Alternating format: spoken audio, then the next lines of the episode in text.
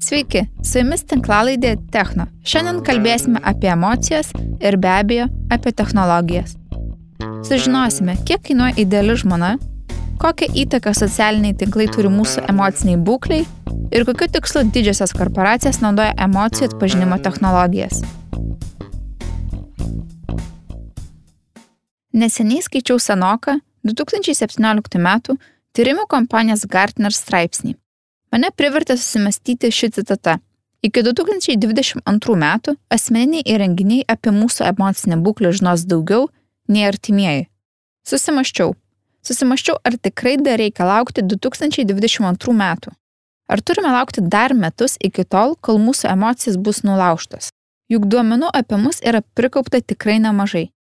2018 m. kovo mėnesio duomenimis 68 procentai JAV saugusiai turi Facebook paskyras, o 75 procentai šių žmonių Facebook socialinių tinklų naudojasi kasdien. Be to, beveik 80 procentų jaunų saugusių 18-24 metų amžiaus naudoja Snapchat programėlę ir tik šiek tiek mažesnė dalis jų, jaunųjų saugusių, naudojasi Instagram platformą. 2018 metais socialinės ir klinikinės psichologijos žurnale buvo atspausintas Pensilvanijos universiteto straipsnis pavadinimu Socialinės medijos ribojimas mažina vienatvės ir depresijos jausmą. Straipsnė aprašoma šis tyrimas. Apie 150 studentų buvo atsitiktinai padalyti į dvi grupės. Grupė A, joje Facebook, Instagram ir Snapchat platformų naudojimas buvo ribojamas iki 10 minučių per dieną vienai platformai. Ir grupė B, kurioje studentai socialinius tinklus naudoja kaip įprasta. Po trijų savaičių stebėjimų tyrėjai pastebėjo reikšmingą vienatvės jausmą ir depresijos sumažėjimą studentų, kurie ribojo socialinių tinklų naudojimą tarpe. Ir tyrėjai netgi įvardijo tokį išvadą. Socialinės žiniasklaidos naudojimą apribojant iki maždaug 30 minučių per dieną galima žymiai pagerinti savijautą.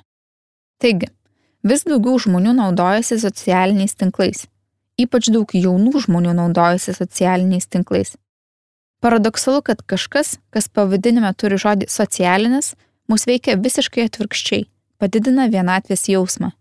Nubalšinti vienatvės jausmą yra nemažai būdų. Galima prisiminti 2013 m. režisieriaus Spike Jones filmą Her.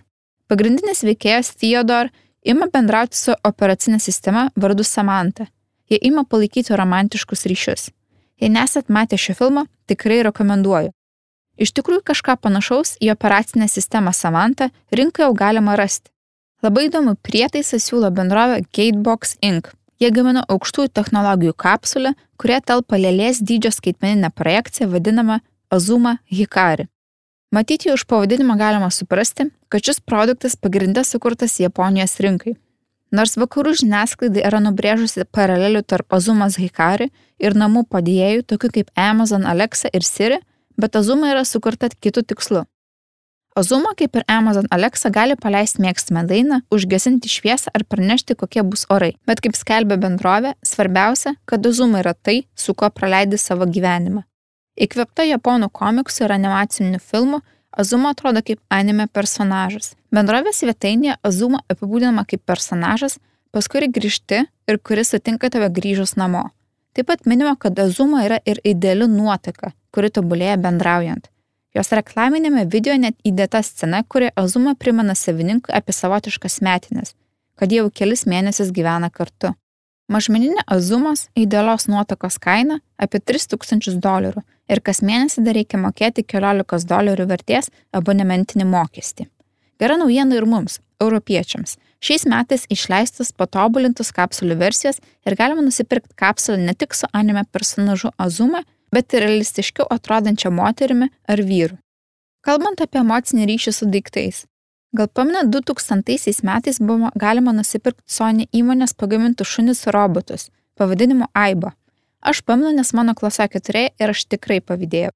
Taigi, Japonija net atliekama šių robotinių šunų laidojimo apėgos ceremonijos. Bet įdomu tai, kad toks emocinis prisirišimas prie robotukų gali išeiti naudą ne tik įmonėms, kurias prekiauja robotukais, buvo atliktas Europos komisijos ir Japonijos vyriausybės remiamas tarptautinis tyrimas ir nustatyta, kad robotai, kurie gali palaikyti paprastus pokalbius ir pasidomėti pašnekovo pomėgiais, gali pagerinti psichinę sveikatą ir sumažinti vienatvės jausmą. Po šio tyrimo išvadų, kai kuriuose Didžiosios Britanijos seniorių globos namuose buvo dikti robotiniai kompanionai. Ant ratukų judantis robotai pavadinimu Pepper juda savarankiškai ir gestikuliuoja robotinėmis rankomis. Robotai suprogramuoti taip, kad išsiaiškintų globos namų gyventojų interesus ir kai kurias praeities detalės. Jie sugeba palaikyti elementarius pokalbius, groti gyventojų mėgstamą muziką bei suteikti praktinę pagalbą, pavyzdžiui, priminti, kad jau metas vartoti vaistus. Paminėsiu, kad minėto tyrimo metu nebuvo siekiama žmonės pakeisti robotais. Tiesiog bandoma padėti užpildyti vienišus laiko tarpus, kai dėl užimtumo socialinės globos sistemos darbuotojai neturi laiko ilgesniam pabendravimui su seniorais. Didžiojoje Britanijoje ir Japonijoje atlikto tyrimo metu nustatyta, kad vyresnių globos namų gyventojų, kurie per dvi savaitės iki 18 valandų praleisdavo bendraudami su robotais, tų asmenų psichinė sveikata žymiai pagerėjo. Robotai taip pat turėjo nedidelį, bet teigiamą poveikį vienatvės jausmo sumažinimui. Senioriai paminėjo, kad bendraujant labai juntamas robotų dirbtinumas ir pokalbiai su jais jaučiasi paviršutiniški, jiems truko suosmeninimo. Panašu, kad jei turėtume sistemas, kurios mokėtų geriau interpretuoti žmonių emocijas, jos galėtų neblogai pasitarnauti socialinės rūpybos rytyje. Ir iš tikrųjų, mokslininkai dirba ties šią sritimi. Manau, daugam teko girdėti apie dirbtinį intelektą, bet taip pat egzistuoja dirbtinis emocinis intelektas. Emocinis dirbtinis intelektas apima sistemas ir prietaisus, kurie gali atpažinti, interpretuoti, apdoroti ir imituoti žmogaus emocijas. Bet emocijų atpažinimas gali būti naudojamas ir marketingo tikslais. Atsakykite mano klausimą, ar jūsų muzikinis skonis keičiasi priklausomai nuo emocinės būklės? Mano tikrai taip.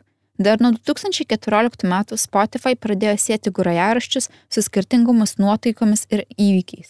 Kai vartotojai klauso tokio, su emocijomis susijęto grojaraščio, jiems parenkamas asociatyvas reklamas, už kurias aišku susimoka reklamuojamų produktų savininkai. Keli galimi pavyzdžiai.